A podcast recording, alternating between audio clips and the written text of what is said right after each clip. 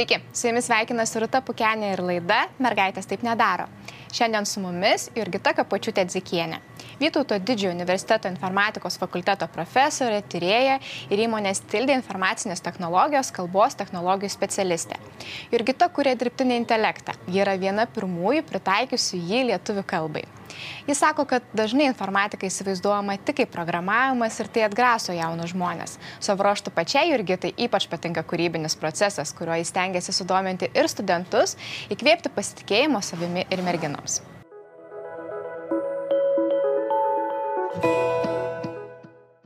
Sveiki, Jurgita. Sveiki, Rūta. Jurgita, jūs bandote dirbtinį intelektą pritaikyti lietuvių kalbai. Papasakokite, ką tai reiškia ir kokią pridėtinę vertę mums visiems tai kuria. Na, pirmiausia, pradėkim nuo to, kad dirbtinį intelektą turi ir gyvūnai netgi, ne tik žmogus. Nedirbtinį, atsiprašau, tikrąjį intelektą turi netgi, netgi ir gyvūnai.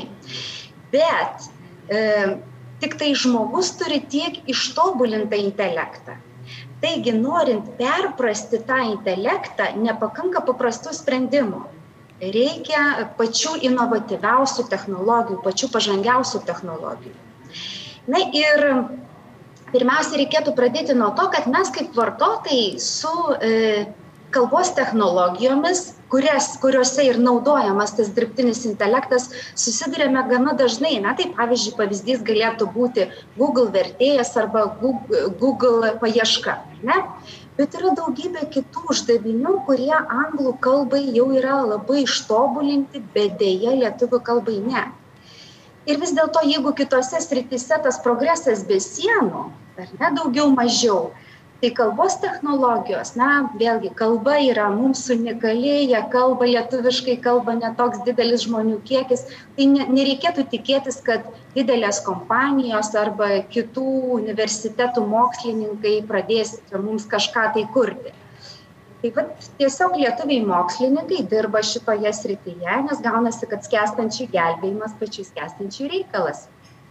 O papasakokite plačiau su kokiomis idėjomis jūs dirbate šiuo metu Tai iš tiesų e, sunku net išskirti, galbūt papasakočiau ir su, su tuo, su kuo dirbu dabar, bet taip pat buvo ir įdomių projektų praeitie, tai iš viso teko daryti tyrimus 20 projektų, iš kurių penki tarptautiniai.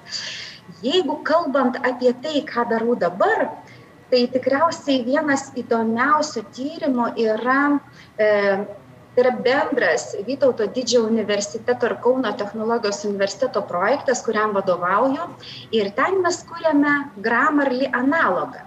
Jeigu kams kam nors sako šis pavadinimas kažką bet tai yra ne tik gramatikos ne tik sintaksės bet taip pat ir stiliaus tikrintuvas tik lietuvių kalbai. Na tai žinome pradėjome tą tyrimą pirmieji žingsniai bet tai yra nepaprastai įdomus projektas taip pat e, prisijungiau neseniai prie vieno e, sveikatos mokslų universiteto projekto. Tai ten mes tyriame COVID e, žinių žiniasklaidoje įtaką žmogui, tai yra konkrečiai jo psichologiniai sveikatai, nuotaikai. Tai vėlgi labai toks įdomus naujas tyrimas. Ir taip pat norėčiau papasakoti apie vieną projektą, kuris jau pasibaigė. Tai jį vykdėme kartu su uh, kolegomis iš Latvijos, tai yra kompanijoje Tildė, e, kurioje taip pat dirbom. Na ir to projekto rėmose mes analizavome virtualius asistentus. Ir tyrimas buvo atliktas lietuvių, latvių, vokiečių, prancūzų, portugalų, anglų kalboms. Bet kuo jis įdomus? To projekto metu pavyko nustatyti, kad visiškai net nebūtini tos kalbos, kur vėliau tas virtualus asistentas bus naudojamas mokymo duomenys. Nes įprastai, norint jį turėti lietuvių kalbai, reikėdavo apmokyti modulį su lietuviškais duomenimis, norint anglų kalbai su angliškais duomenimis. Bet to projekto metu pavyko peržengti kalbos barjerą ir tarsi e, pašalinti tą pagrindinę kliūtį, kuri buvo e, tikrai labai rimta progresui lietuvių kalbos technologijose, sakykime, progresui e, vykdyti, e, būti, rastis. Tai vad tuo tuo, tuo taip pat labai džiaugiuosi. Aišku, daugybė kitų projektų nenoriu per ilgai e, apie tai kalbėti, tiesiog svarbu pasakyti, kad svarbu bendradarbiauti su skirtingomis institucijomis, skirtingais mokslininkais, nes tuomet visi dirbame kartu dėl tos lietuvių kalbos ir šitoje srityje ir gaunasi sinergija. Jurgita, bet kai jūsų klausau, atrodo nesunku išskirti, kuo labiau žavitės, ar lietuvių kalba, ar technologijomis. Atrodo, sugebėjot suvienyti dvi visiškai skirtingas sferas. Iš tiesų, e, viskas dar prasidėjo tikriausiai nuo mokyklos laikų, nes man patiko ir humanitariniai, ir tikslieji mokslai. Ir, bet vėlgi, iki 12 klasės niekaip negalėjau apsispręsti, kuo norėčiau būti.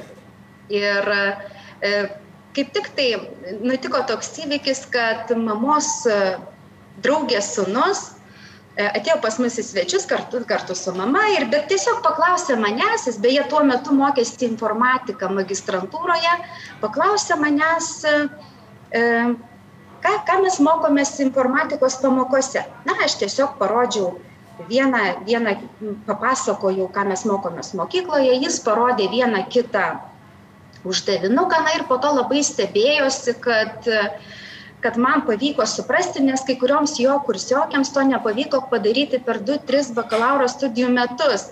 Tai nepaisant to, kad aš tą lietuvių kalbą taip mėgau, aš nusprendžiau vis dėlto stoti į informatiką, na ir tai tiesą pasakius buvo vienas geriausių pasirinkimų mano. Ar taip galvoja ir jūsų artimieji, draugai, aplinka? Žinau, kad lietuvių kalbos mokytoja na, nepaprastai lydėjo, kad nepasukote į literatūros mokslus. Na, iš tiesų taip ir buvo. Ir aš susitikusi bandžiau surasti žodžių, kažką lemendama apie tai, kad čia man lietuvių kalba galėtų būti kaip hobis. Bet nepamelavau, gyvenimas viską sudėliojo taip, kad, kad iš tiesų tyrimai dabar būtent lietuvių kalbai man yra tikrų tikriausias hobis. Nepaisant to, kad tenka dirbti su kitomis kalbomis, bet vis tiek čia brangu širdžiai. O kodėl, kaip nusprendėte, kad būtent dirbtinis intelektas taps jūsų pagrindinė tyrimų sritimi? Na, vėlgi, tai labai nauja tuo metu buvo. Gal pradėkim nuo to, kad bakalauro studijų metu e, jau dirbau su kalbos technologijomis ir nusprendžiau bakalaurinį iš to rašyti. E, na, vadovo, kaip sakant, iniciatyvą, pasiūlymų, pasirinkau šitą sritį. Tik tai tiek, kad tas dirbtinis intelektas dar buvo primityvokas, todėl kad konstravau rankiniu būdu taisyklės, kas vėlgi taip pat yra dirbtinis intelektas, tačiau jisai jau labai toli nuo to, kokį suvokimą šiandien mes turime. O nuo 2005 metų, kai pradėjau savo doktorantūrą, jau tada taikiau mašininio mokymo metodikas. Bet dirbtinį intelektą pasirinkau vėlgi dėl to, nes tuo metu tai buvo visiška naujovė. O tai, kas nauja, tai yra ir įdomu, ir tiesiog mane sužavėjo. Bet nauja buvo vyrams ir moteriams, aišku, taip pat, bet turbūt moterų jau tuo metu ten buvo na, visiškai viena. Tai dabar dirbtinio intelekte kalbame, kad moterų trūksta. Ir aš žinau, kad net vienas jūsų pažįstamas yra pajokavęs, kad turite labai puikią perspektyvę specialybę, bet ne tą lytį. Šiuose žodžiuose yra tiesos. E, aišku, nenorėčiau dabar čia skūstis, bet iš tiesų ilgą laiką tikėjau tais žodžiais ir man vis gyvenimas susiklostydavo taip, kad atrodydavo, nu, jis iš tiesų yra teisus. Nes reikia kovoti su tam tikrais stereotipais, požiūriu į tave ir panašiais dalykais. Na, bet situacija keičiasi. Ir jinai keičiasi visose sritise. Iš tiesų mes matome stiprių žmonių absoliučiai visur. Tai manau, kad čia irgi tik tai laiko klausimas, kada atsiras daug stiprių moterų šioje srityje. Sakėte, kad jums reikia, reikėjo kovoti su stereotipais, e, požiūriu, gal galite išskirti kažkokias aštriausias situacijas, ta kas jums buvo skaudžiausia kaip moteriai, moteriai kuri dirba dirbtinio intelekto srityje? A, e, vėlgi, taip, stereotipai gajus, aš galbūt nenorėčiau dabar skūstis, aš galbūt labiau norėčiau juos tik tai išskirti, paminėti ir pasakyti, kokie jie yra, bet tikrai, tikrai norėčiau jų kuo greičiau atsisakyti, kad visi mes atsisakytumėm ir kad mes galėtumėm kuo greičiau juos paneigti. Tai pirmas stereotipas yra tas, kad informatika tai yra vyriška specialybė. Bet tam paaiškinimo nėra jokio, kodėl taip yra, nes nu, čia nėra fizinio darbo, kurį reikėtų daryti, ar ne? Tai kaip ir moteris gali tą, tuo užsijimti. Vėlgi toks įdomus faktas, pati pirmoji programuotoja, tarp kitko, buvo moteris, moteris Ada Baira. Na tai va tai pirmas stereotipas, ar ne, nu, kad moterys negali būti. Dabar antras, tai kad e, norint tapti informatikų, programuotojų, reikia būti kažkokiu tai genijumi, kad būti, reikia būti neklystančiu žmogumi. Tas visiška netiesa, nes tas, tos klaidos ir yra tai, kas stabdo progresą. Galų galia vėlgi galima surasti paralelę su E, šiuo metu pažangiausiomis e, technologijomis mašininėme mokymume, tai yra dirbtiniais neuroniniais tinklais. Jie tarp kitko mokosi klysdami ir kiekvieną kartą klaida tai yra tai, kas veda juos į tobulumą. Tai yra klaida, e, tobul, tobulėjimas, klaida, tobulėjimas. Tai manau, kad tas pats turėtų būti ir su žmogumi. Ir moteris tikriausiai dažniau yra perfekcionistės, dėl to jos bijo suklysti galbūt tai joms pakiša koją rinktis informatikos specialybę taip pat. Ir dar vienas dalykas, aišku. Teko girdėti nemažai, kad informatika tai tokia sritis, ne va tu kažką praleisi, jeigu pradėsi per vėlai, arba turi visą laiką bėgti, vytis ir vytis ir vytis. Tai iš tiesų progresas vyksta kiekvieną dieną ir vytis reikėtų bet tiktai reikia strategiją vijimosi pasirinkti. Galima bėgti iki tol, kol jau pasidaro koktu ir nebesinori bėgti. Ir kitas kelias yra bėgti, bet daryti pertraukas. Na, atostogas, ne, nebijoti tų tokių štilinių laikotarpių. Galų gale galiu kalbėti apie save, kad po savo motinystės atostogų aš kiekvieną kartą grįždavau su naujomis idėjomis, su nauja jėga, pailsėjusi ir galinti bėgti dvigubai greičiau. Taip kad tikrai aš manau, kad moteris turėtų pažvelgti į šitą specialybę kitomis akimis, nes tikrai tie stereotipai, jie vis dar gajus, bet jie privalo būti garsiai paneigti. Man taip pat teko pastebėti, kad daug moterų iš tiesų po būtent motinystės pertraukos pasuka į tek, turbūt negali atsitraukti nuo kasdienių darbų ir pažiūrėti į tai kitų žvilgsnių, kaip gerai pastebėjot. Bet kitas dalykas, kurį taip pat esu pastebėjus, kad, na, iš tiesų kartais pačios moteris labai nepasitikė savimi. Ir ar tiesa, kad jums irgi universitete tenka itin daug dirbti su studenčių pasitikėjimu savimi? Merginos pačios save nuvertina, nemano, kad jom pavyks, kur problemos lypi? Aš manau kad taip būtent dėl tų stereotipų ar ne? Jeigu jos tiki kad yra toks vyrų požiūris apie jas ar ne tuomet labai sunku ne tik patikėti savo jėgomis bet dar ir atsispirti visiems tiems stereotipams. Todėl aš labai dažnai sakau su studentėmis su kuriomis dirbu žiūrėkit mes nudrėbtos iš to pačio molio. Vadinasi jeigu pavyko man tai padaryti tai gali pavykti ir jums Bet mes neretai girdime, kad e, tam, kad dirbtum programuotojų, dirbtum tech srityje, mokslas visai nereikalingas, aukštasis mokslas nereikalingas, esą kartais užtenka pasimokyti savarankiškai, yra ir labai daug įvairių mokyklų, kursų. Koks yra jūsų požiūris? Ar reikalingas aukštasis išsilavinimas šioje srityje ar ne, ar tai priklauso nuo tikslų, kuriuos savo keli? Na, pradėkim taip. Negaliu, aišku, kalbėti apie visus. Žinių reikia įgyti ir būtina įvairiais įmanomais būdais. Bet pavyzdžiui, man be universiteto tiek tikrai nebūtų pavykę pasiekti. Todėl, kad universitetas suteikia ne tik specifinių žinių, bet taip pat suteikia ir bendrųjų žinių. Negana to išugdo tą kritinį mąstymą, e, priverčia laikytis, e, išmokti punktualumo, ar ne, jeigu jo dar nėra. Ir atsakingo požiūrio į darbą. Tai yra suformuoja tam tikrus kitus gebėjimus. Be to universitete galima susirasti bendraminčių juk po to galima kurti ir bendras kompanijas ir bendradarbiauti vykdant įvairius tyrimus. Taip kad universitetas duoda savo pliusų tikrai labai. Dabar kalbant apie kursus norėčiau pasakyti kad vėlgi už tai už ką brangiai sumokama tas dažnai labiau ir vertinama tai aš nenorėčiau šitoj vietoj nuvertinti kursų bet neretai tuos kursus to veda tie patys universiteto dėstytojai O kokia dabar yra situacija informatikos mokyme? Kuo išsiskiria pasižymė šios disciplinos studentai ir kaip bendrai vertintumėt jų motivaciją? Žinau, kad yra geidžiamiausi rinkoje. Taip, nebejotinai. Jie jau antrame kokiame kurse turi visi darbus, pradeda dirbti. Na ir aišku, tada prastėja jų požiūris į mokymasi. Bet vėlgi, žiūrint, ką nori gyvenime veikti, nereikia sukti, kaip sakyt, mesti kelio dėl tą kelio ir sukti va, tik tai, tik tai į, į, į darbus. Reikia vis dėlto įgyti tų žinių maksimaliai, kiek įmanoma.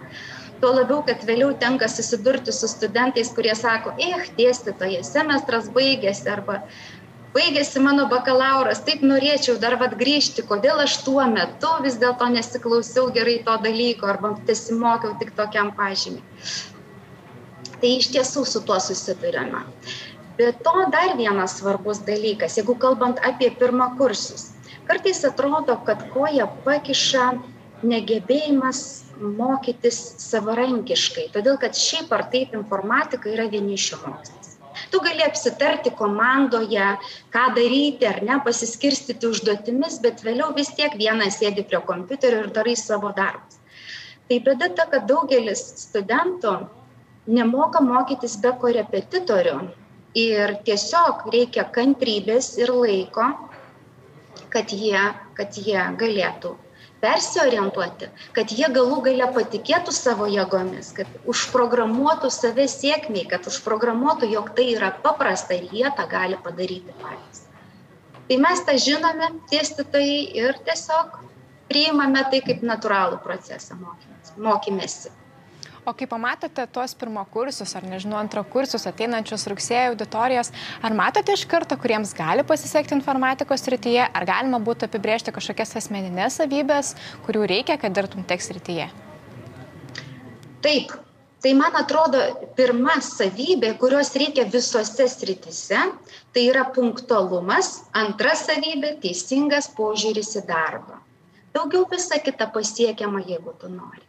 Taip kad aš niekada gyvenime nenuvertinu nei vieno studento, todėl kad yra buvę ir taip, kad kažkas labai sunkiai pradeda, labai sunkiai įsivažiuoja, bet po to tu to žmogaus nebepavysi. Jis gauna geriausią darbą lyginant su visais kitais. Jam gyvenime pasiseka labiausiai. Taip kad aš niekada neturiu iš ankstinio požiūrio. Tiesa, vėlgi visi mes juk skirtingi. Yra studentų, kurie mokosi lietai, ir pavyzdžiui kad galų gale jie persilaužtų reikia ir pusės semestro. Bet vėlgi kaip sakiau lėtai pradeda bet tai nereiškia kad po to jie neįsivažiuoja. Taip kad tikrai aš linkusi tikėti absoliučiai visais studentais nes yra buvę gyvenime kai manimi labai daug tikėjo ir tas tikėjimas padeda pasiekti daugiausiai nuo to viskas prasideda Dar jūs esate ir pastebėjus, kad informatika na, dažnai įsivaizduojama tik kaip programavimas ir tai atgraso jaunus žmonės. Informatika iš, iš tiesų yra toks platus e, mokslas. O kur jūs, pavyzdžiui, matote tą patį informatikos grožį? Kodėl kvieštumėte ir kitus pagalvoti apie darbą teks rytyje? Taip, jūs labai teisingai pastebėjot, kad informatika labai platis rytis, bet čia kiekviena medicina ar nelygiai taip pat, kiek įvairių specializacijų, kiek įvairių temų ir tyrimų. Tai man asmeniškai informatika, žinoma, tai yra dirbtinio intelekto tyrimai.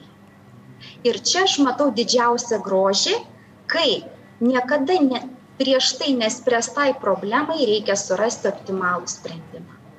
Tuomet man atsiskleidžia visas tas informatikos grožis ir tada yra nepaprastai daug vietos pasireikšti kūrybiškumui.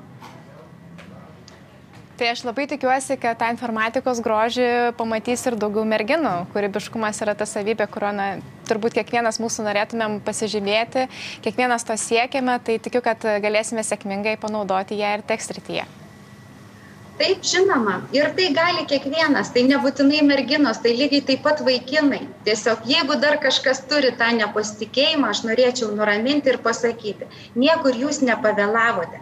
Nes kartais pasigirsta netgi ir tokie tokios mintys kad neva nepradėjai mokykloje pirmose klasėse mokytis programuoti arba kažkokiu tai informatikos dalykų kad jau tu po to nebegali šitoje srityje net būti. Tai kartais būna tas kaip tiktai vaikų perspaudimas į kitą pusę jis duoda priešingą efektą.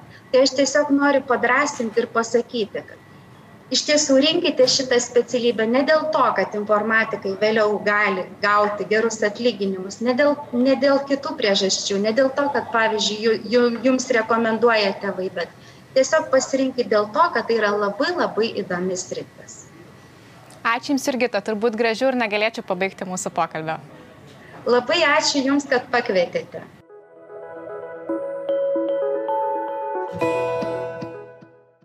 Ačiū ir Jums, mėly žiūrovai, kad buvote kartu su mumis. Padėkoti taip pat norėčiau laidos ambasadoriui Baltic Amadeus. Iki kitų susitikimų.